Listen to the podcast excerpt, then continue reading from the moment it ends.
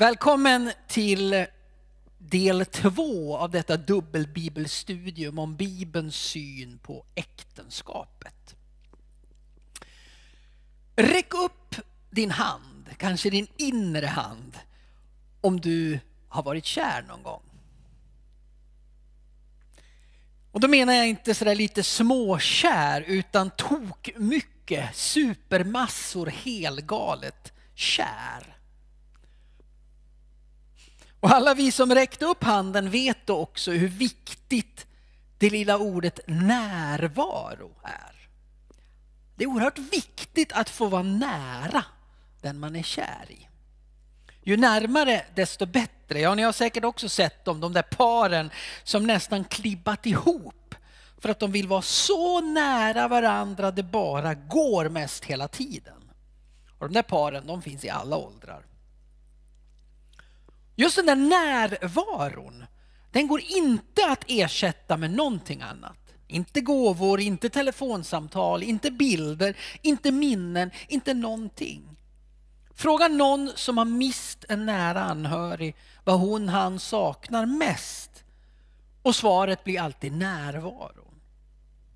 Som helt nygift och ungdomspastor och borta på mitt första läger som gift så minns jag mest när jag kom hem igen och fick en rejäl föreläsning av min fru, min nya, ny, nya fru, om hur minsann hennes morbror, vilket ju är Moa Forslings pappa Thomas för er som känner Moa, hur hennes morbror minsann under sitt 15-åriga äktenskap minsann aldrig sovit en natt hemifrån utan att minsann ha ringt hem och att det exemplet kunde minsann även jag följa.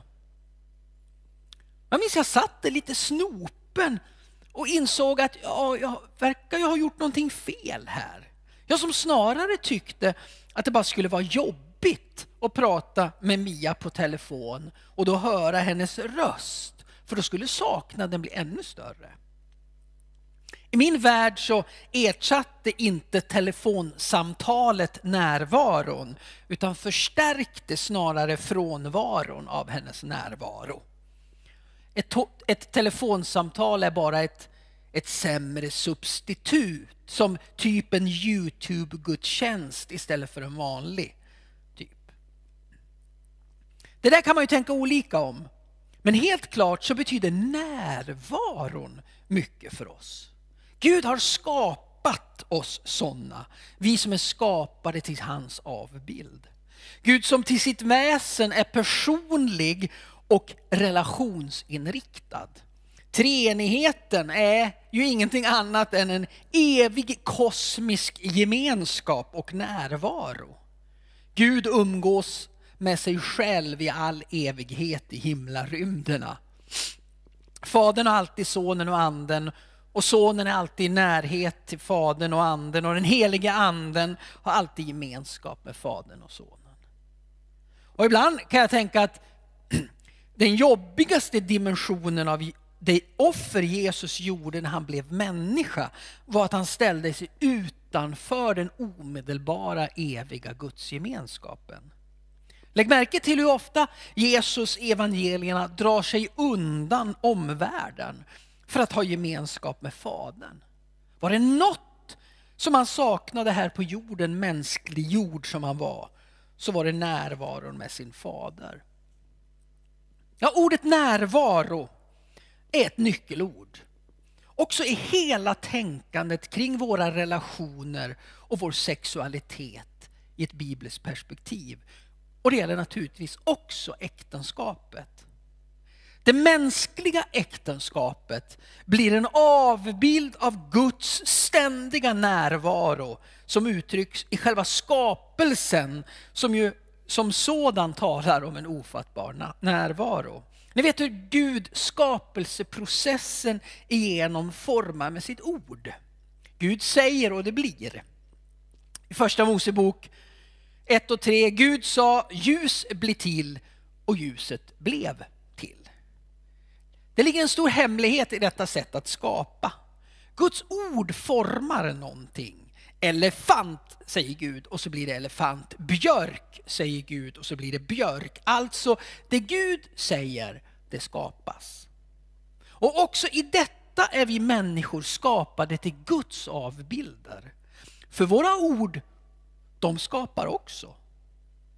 Det är därför vi ska vara försiktiga med vår tunga. Jakob varnar i sitt brev, Jakob 6 och 3. Och tungan är en eld, själva den onda världen bland våra lemmar. Den fläckar hela vår kropp, den sätter livshjulet i brand och har själv sin eld från helvetet. Ja, vår tunga, den kan skapa gott, men den kan också skapa ont. Och det gäller i alla mänskliga relationer. Vem minns inte sårande ord som kan ha bundit oss eller tagit frimodigheten ifrån oss? Ibland ord som är sagda just för att de är menade att såra. Men allt som oftast bara tanklösa. Men också i den, lilla, i den lilla relationen så kan ord ibland behöva vägas på guldvåg. Ja, orden man väljer efter frågan, får den här klänningen mig att se tjock ut? De orden kan bli helt avgörande. Och även i den här bemärkelsen är vi Guds avbilder. För att vi också äger förmågan att skapa med våra ord. Men då Gud skulle skapa kronan på verket, sin älskade människa, så säger han intressant nog inte bara ord, människa och det blir människa. Utan han andas också in sin egen närvaro i människan. Vi läser i första Moseboks andra kapitel. När Herren Gud gjorde jord och himmel, när ingen buske fanns på marken och ingen ört hade spirat, eftersom Herren Gud inte hade låtit något regn falla på jorden och ingen människa fanns som kunde odla den. Men ett flöde vällde fram ur jorden och vattnade marken. Då formade Herren Gud människan av jord från marken och blåste in liv genom hennes näsborrar så att hon blev en levande varelse. Gud formade människan med jord från marken. Helt vanlig jord från marken. Och ordet för mark som används i hebreiskan är adama. Gud formade likt en krukmakare människan och så andades Gud på detta och mixen mellan jorden från marken och Guds andetag blir människan. Och man förstår när man läser texten att den som nu har författat första Mosebok förstår att det finns något jordigt, något smutsigt, något lortigt över oss människor. Vi är liksom verkligen av mark. För den första mannens namn är Adam. Gud tog Adama och andades på den och gjorde Adam. Adam. Namnet Adam betyder ordagrant människa eller mänsklighet. Var det två personer som Bibeln beskriver, två personer med egennamnen Adam och Eva? Ja, kanske. Nej, kanske inte. Men det viktiga i berättelsen är det att Gud blåste eller andades in sin egen livsande i Adam, i mänskligheten. Och här infattas du och jag. Vi lever tack vare det att Gud har andats på oss. Och vi kan ju tänka att det faktum att vi bara är lera som Gud har andats på, att det håller vårt ego på plats. Och det finns den här dubbelheten i hela gamla testamentet. Vi kommer från Adama och vi är liksom ingenting att räkna med. Psalm 39, vers 5. Herre, lär mig att inse att jag ska dö och hur få mina tillmätta dagar är. Inse att jag är förgänglig. En handfull dagar är allt du ger mig, för dig är min livstid ett intet. Bara en vindfläkt är människan, som en skuggbild vandrar hon kring. Alla lever vi bara ett andetag ifrån döden. Vi är alla jord som har andats ande i. Vi är alla sköra. Och åker vi förbi en bilolycka så märker det. Har du vakat vid en dödsbädd så vet du exakt när detta mänskliga liv tar slut. Du hör när det sista andetaget tas på ett påtagligt sätt. Men samtidigt som vi är Adama, lort, smuts, så finns det storhet inandats i oss människor. Psalm 8, vers 4. När jag ser din himmel som dina fingrar format, månen och stjärnorna du fäste där, vad är då en människa att du tänker på henne, en dödlig att, ta, att du tar dig an honom? Du gjorde honom nästan till en gud. Med ära och härlighet krönte du honom. Du lät honom härska över dina verk. Allt lade du under hans fötter, får och oxar, all boskap, alla markens vilda djur, himmelens fåglar och havets fiskar, allt som vandrar havets stigar. Det stora skedde att denne enormt store guden som levde i sin egen kosmiska närvaro med sig själv tog Adama och blåste en del av sig själv in i henne, sin egen ande. Du gjorde honom nästan till en gud. Och denna Gud som har satt stjärnorna på plats, han bryr sig om oss små. Vi må, vi må vara en Adama, men samtidigt har vi fått storhet inandats i oss. Om nu människan är skapad till Guds avbild så måste det också komma fram i hennes kropp. Ja, själva vår kropp i sin manlighet och i sin kvinnlighet visar att människan, liksom Gud, är relation. Mannen skapad för kvinnan och kvinnan för mannen. Och just de kroppsdelar som ofta betraktas som, med Paulus ord, mindre hedersamma uttrycker tydligast av allt den här relationen. Att en människa är ingen ö, utan riktad mot en annan som hennes hjälp och stöd. Människan har liksom fått det inskrivet i sin kropp att hon är skapad till Guds avbild. Och våra kroppar, själva våra kroppar synliggör det som människan är skapad för, nämligen kärleken. Och då avslöjar det någonting om Gud, han som är kärleken. Kärlek och närvaro.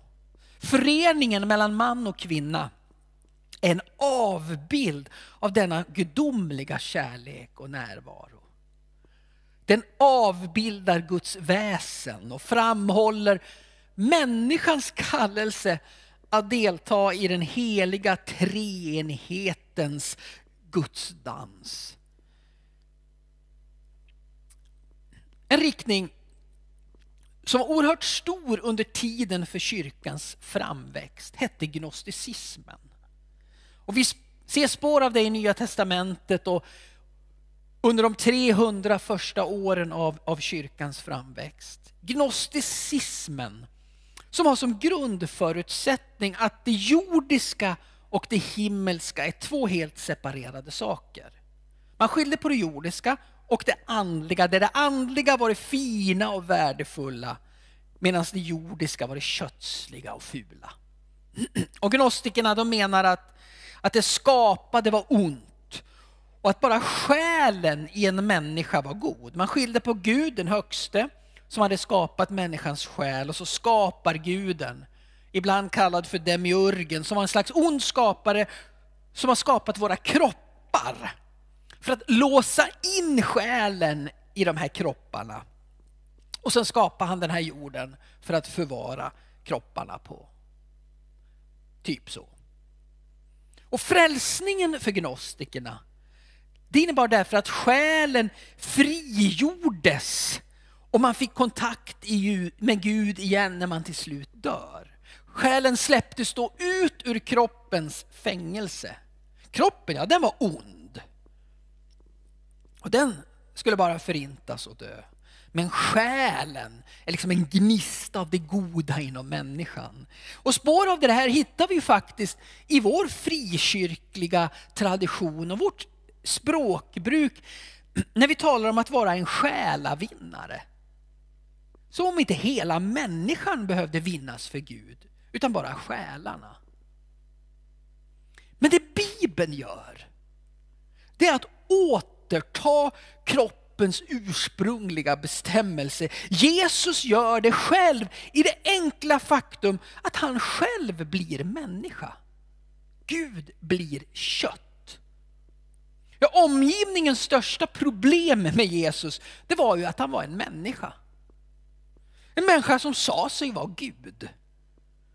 Och det blev svårt för folket att ta Jesus på allvar. Det är som barnet som sitter och ritar en teckning och så frågar mamman, vad ritar du? Och barnet svarar, jag ritar en bild på Gud och mamman säger, var nu inte dum, du kan inte rita Gud, det är ingen som vet hur Gud ser ut. Och barnet svarar, nej, men de får se det när jag är klar med min teckning.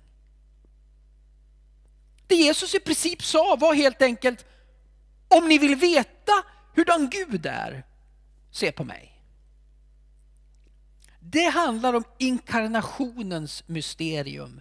In carnus, i köttet. Och I den förra, första delen av det här studiet så läste vi ur första Mosebok 3 och 7. Då öppnades deras ögon och de såg att de var nakna. Och de fäste ihop fikonlöv och band dem kring höfterna. Deras ögon öppnades och de såg sin nakenhet. Och här får vi läsa nakenhet mer än enbart att man saknar kläder på kroppen. Vi får läsa nakenhet i alla dess dimensioner. Här inne så bär varje människa på en osäkerhet som vi döljer, som vi klär på på olika sätt.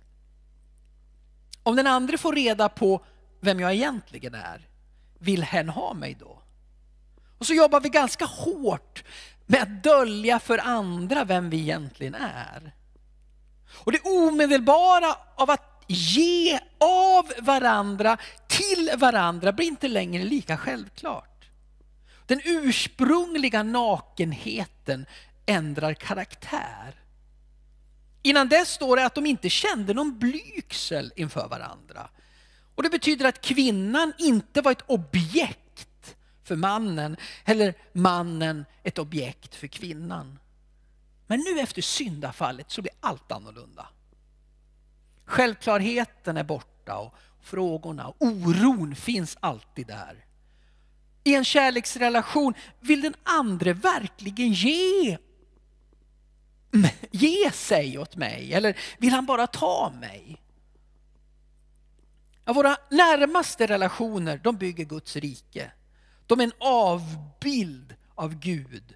De enar den här tillvaron. Men det finns några fallgropar som jag vill uppehålla mig vid en stund.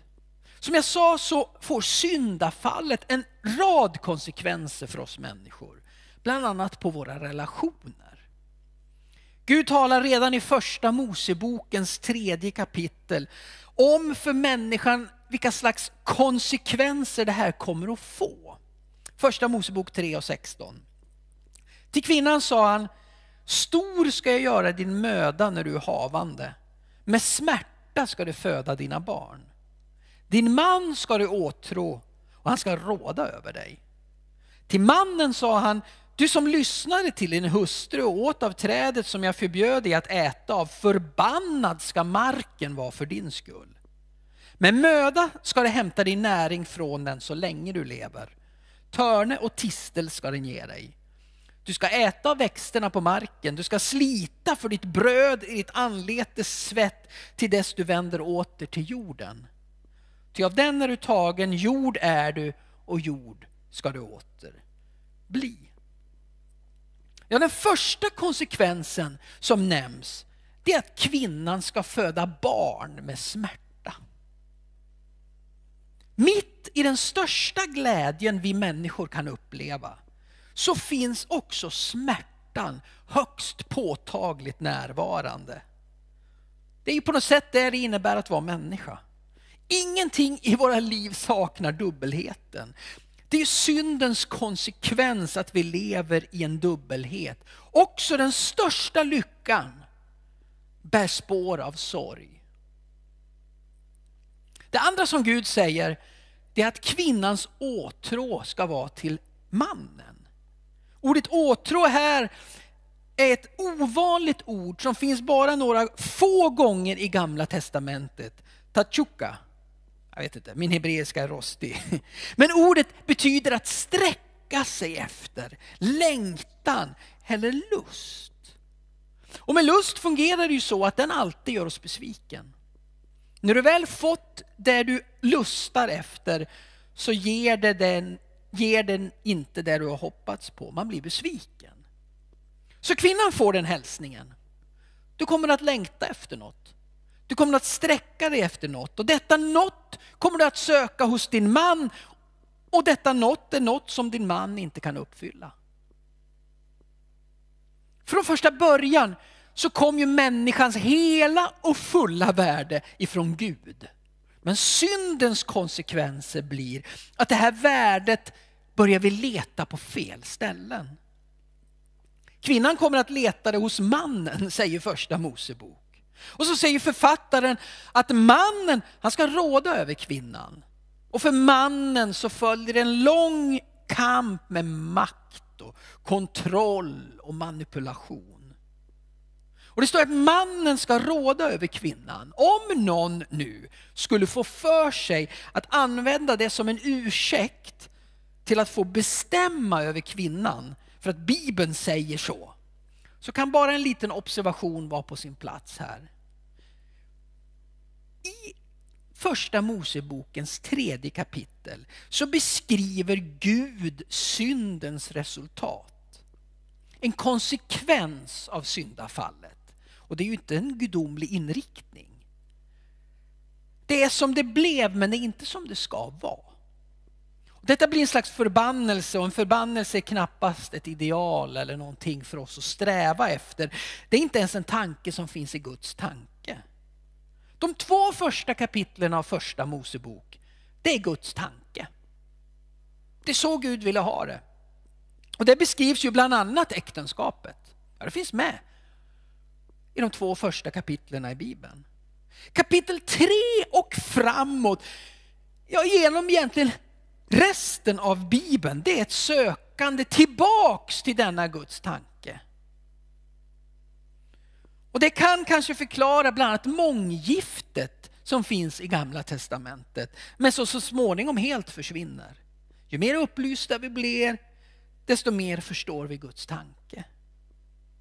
Men detta att söka bekräftelse, att söka sitt värde i relationer, det är en universell förbannelse. Inte bara mellan man och kvinna utan i alla våra relationer. Att den andra personen ska ge mig det bara Gud kan ge. Det blir ju skevt, det förstår vi. Ta killen som har en flickvän nu. Och innan henne hade han en annan. Och innan henne hade han ytterligare en. Och det är en lång rad som aldrig tar slut. Alltid en ny flickvän. Varför? Din man ska du åtrå.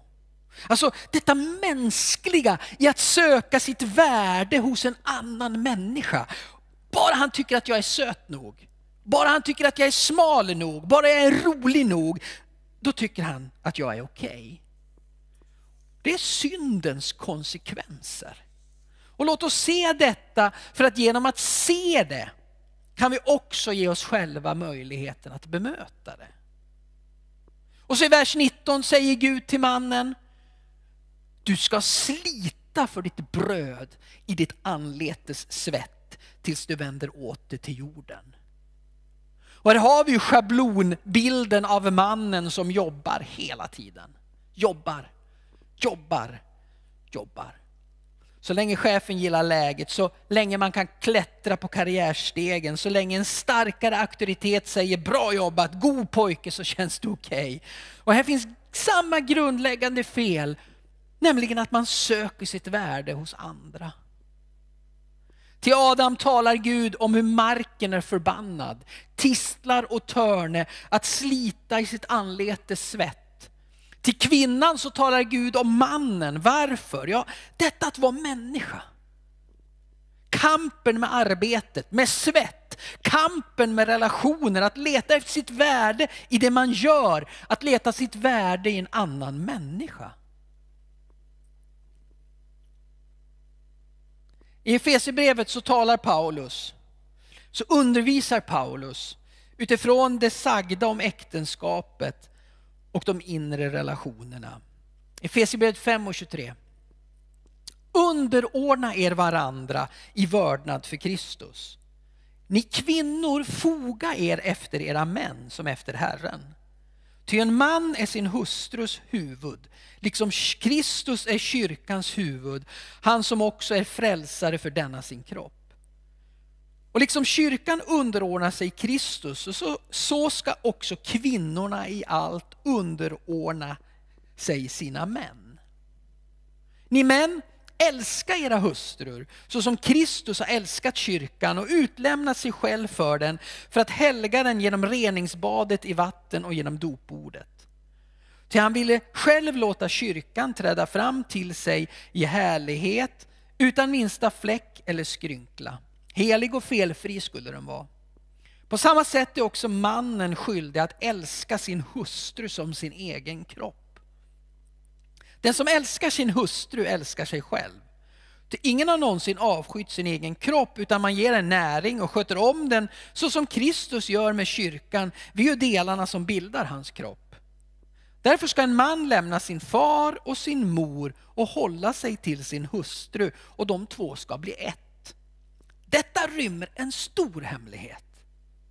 Här låter jag det syfta på Kristus och kyrkan. Men dessutom ska var och en av er älska sin hustru som sig själv och hustrun ska visa respekt för sin man. Att gifta sig är ju så mycket. Och komplext och härligt och häftigt. Och ofta romantiskt och mysigt. Men det är kanske framför allt att träna sig på underordning. Detta att börja vänja sig vid små egenheter. Detta att inte bestämma allt själv. Detta att behöva kompromissa med färgen, tiden, temperaturen, semestern, pengarna, med allt. Det är tusentals små justeringar, tusentals små samtal om livets detaljer, tusentals samtal om till synes trivialiteter som i själva verket är betydelsefulla. Och var för sig betyder alla de här samtalen och hela det här växelspelet inte så mycket varje enskild del, men läggs det ihop så är ju det som gör två till ett. Vad använder du för tandkräm? Eller ska vi ha samma tub? Vilken sida av sängen sover du på? Många tecken, inget täcke, fläkt, luftkonditionering, öppet fönster, elektrisk värmefilt, skruva upp eller ner värmen på natten läsa innan man ska sova. Det kan jag fortfarande efter 200 års äktenskap står i utkastet. Men det är nog bara 21 år tror jag. Vi är bortbjudna. Ska vi ta med en present? Hur mycket ska den kosta? Tog dina föräldrar alltid med sig en present av något slag? Varför? Ja, mina tog aldrig med något. Är inte det överdrivet? Vad ska vi göra? Som din familj eller min? Nu är det snart påsk, jul, midsommar, din familj eller min. Varannan storhelg med min och varannan med din familj. Men min familj den bor ju nära och din långt borta. Ja, men din mamma är så jobbig. Ja, men hon är min mamma. Varför lägger du en massa batterier i kylskåpet? Varför hänger du mina kläder där? Jag har märkt att du har en konstig grej för dig när du äter frukost. Hur, så, hur länge som helst skulle vi kunna fortsätta. Men det är det här som är äktenskapet. Vårt. Bara vårt. Av sju miljarder människor så valde jag dig, du valde mig och så ska vi leva tillsammans. Och för att detta ska funka så måste vi ta det besvärliga ordet underordna i vår mun. Det är svårt att underordna sig andra, ibland mycket svårt. Och i Efesierbrevets text så talar Paulus om att vi ska underordna varandra i vördnad för Kristus. Hela resonemanget bygger på det stora att Gud, han har sammanfogat skapelsen, sammanfogat mänskligheten och man och kvinna. Gud har tänkt någonting här, Gud har tänkt till. Det är liksom idealbilden. Det finns ingenting som smälter samman våra liv som kärleken mellan en man och en kvinna. För kärlekens skull så lägger människor ifrån sig sina vapen. För kärlekens skull lägger människor ner sina liv. Kärlekens skull. Och vi får inte och vi kan inte läsa de här orden med moderna ta för sig glasögon. Men det här är inget perspektiv om att den som härskar är den som är störst. I vår värld så underordnar man sig bara om man måste. I Guds rike är det annorlunda. Underordnandet ska ske i vördnad för Kristus. Tacksamheten för vad han har gjort och vårt äktenskap en bild av det här. Ni kvinnor, foga er efter era män som efter Herren. Man och kvinna, de är båda lika ansvariga inför Gud. Och Gud har första rätten till dem båda. Men avsnittet uppmanar oss att underordna varandra som ett tecken på vördnad eller respekt för Kristus. Och anspelningen på Jesus kallar oss att efterlikna hans exempel, hans offer när han gav sitt liv för oss. Som det står i Johannes, ty så älskade Gud världen att han gav den sin enda son. Och om ni läser det här avsnittet så får vi tänka oss att detta riktar sig till en församling. En grupp människor. Paulus talar om ni och er, inte du och din.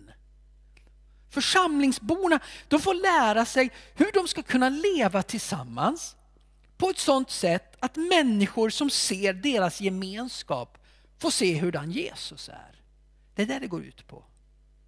I vers 22 så uppmanas kvinnan att underordna sig mannen. Lägg märke till att hon uppmanas inte att göra någonting annat än vad alla redan uppmanas att göra i vers 21. Nämligen att underkasta sig. Hon uppmanas att sätta andras behov före sina egna. Särskilt i den viktigaste relationen av alla, den till sin man, som efter Herren står det. Och nyckeln till förståelsen måste vara som efter Herren, som får läsas som om det var Herren du tjänade. När du tjänade, när du tjänar din man, var du medveten om att när du gör det så är det en tjänst för Herren, som om det var Gud. Min fru hon brukar berätta om hur hon hade det där tankesättet när hon var au pair i London. Och när hon skulle göra någon av de här mer tråkiga au pair-uppgifterna, tvätta de heltäckande mattorna i de engelska hemmen eller stryka de eh, eh vedeliga skjortorna. Ehm, så brukar hon tänka att hon gjorde en uppgift för Gud. Inställningen den påverkar vår handling och det är inställningsmässigt vi måste se de här orden. Älska som, står det i vers 25 älska som. Det är som om Paulus säger, okej okay, kvinnor, ni har sett lydnadens mått. Nu får ni se kärlekens mått. Skulle du önska dig att din hustru lydde dig som kyrkan lyder Kristus? Ja, då måste du sörja för henne som Kristus sörjer för kyrkan. Även om du skulle behöva ge ditt liv för henne.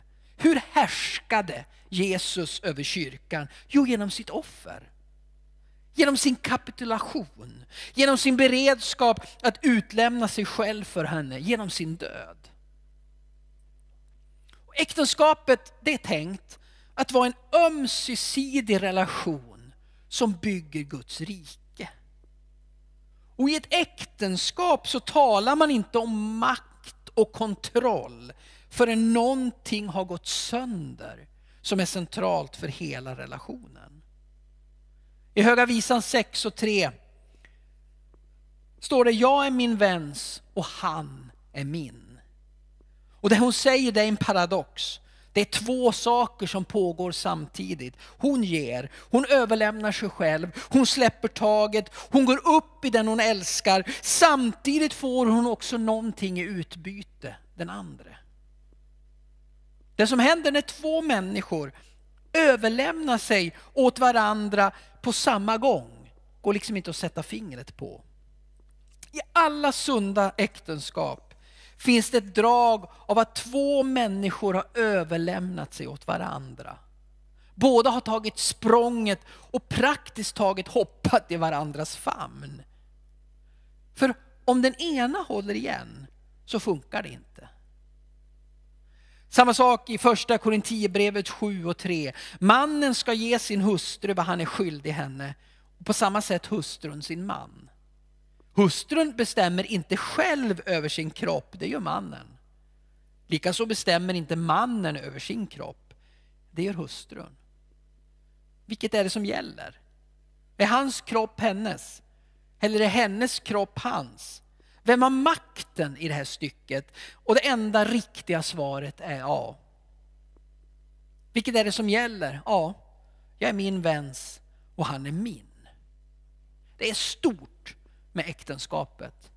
Vi kan aldrig överskatta dess betydelse. Äktenskapet är Guds påfund. Äktenskapet har till sist alltid med Gud att göra. Och nog kan man hålla med Tobits bön som jag inledde detta två tillfälles bibelstudium med.